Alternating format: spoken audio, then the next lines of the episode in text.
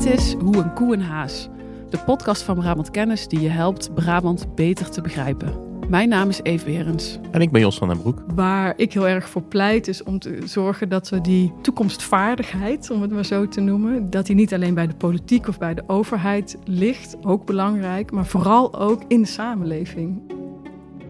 In deze podcast praten we met interessante gasten over belangrijke onderwerpen, zoals nieuwe technologie, nieuwe vormen van democratie en over hoe we met elkaar willen samenleven. Eind 2023 zijn er ongeveer 2.650.000 Brabanders. Dan hebben we nog een groei van de Brabantse bevolking voor de boeg van 375.000 mensen. Ja, is dat een all-time high?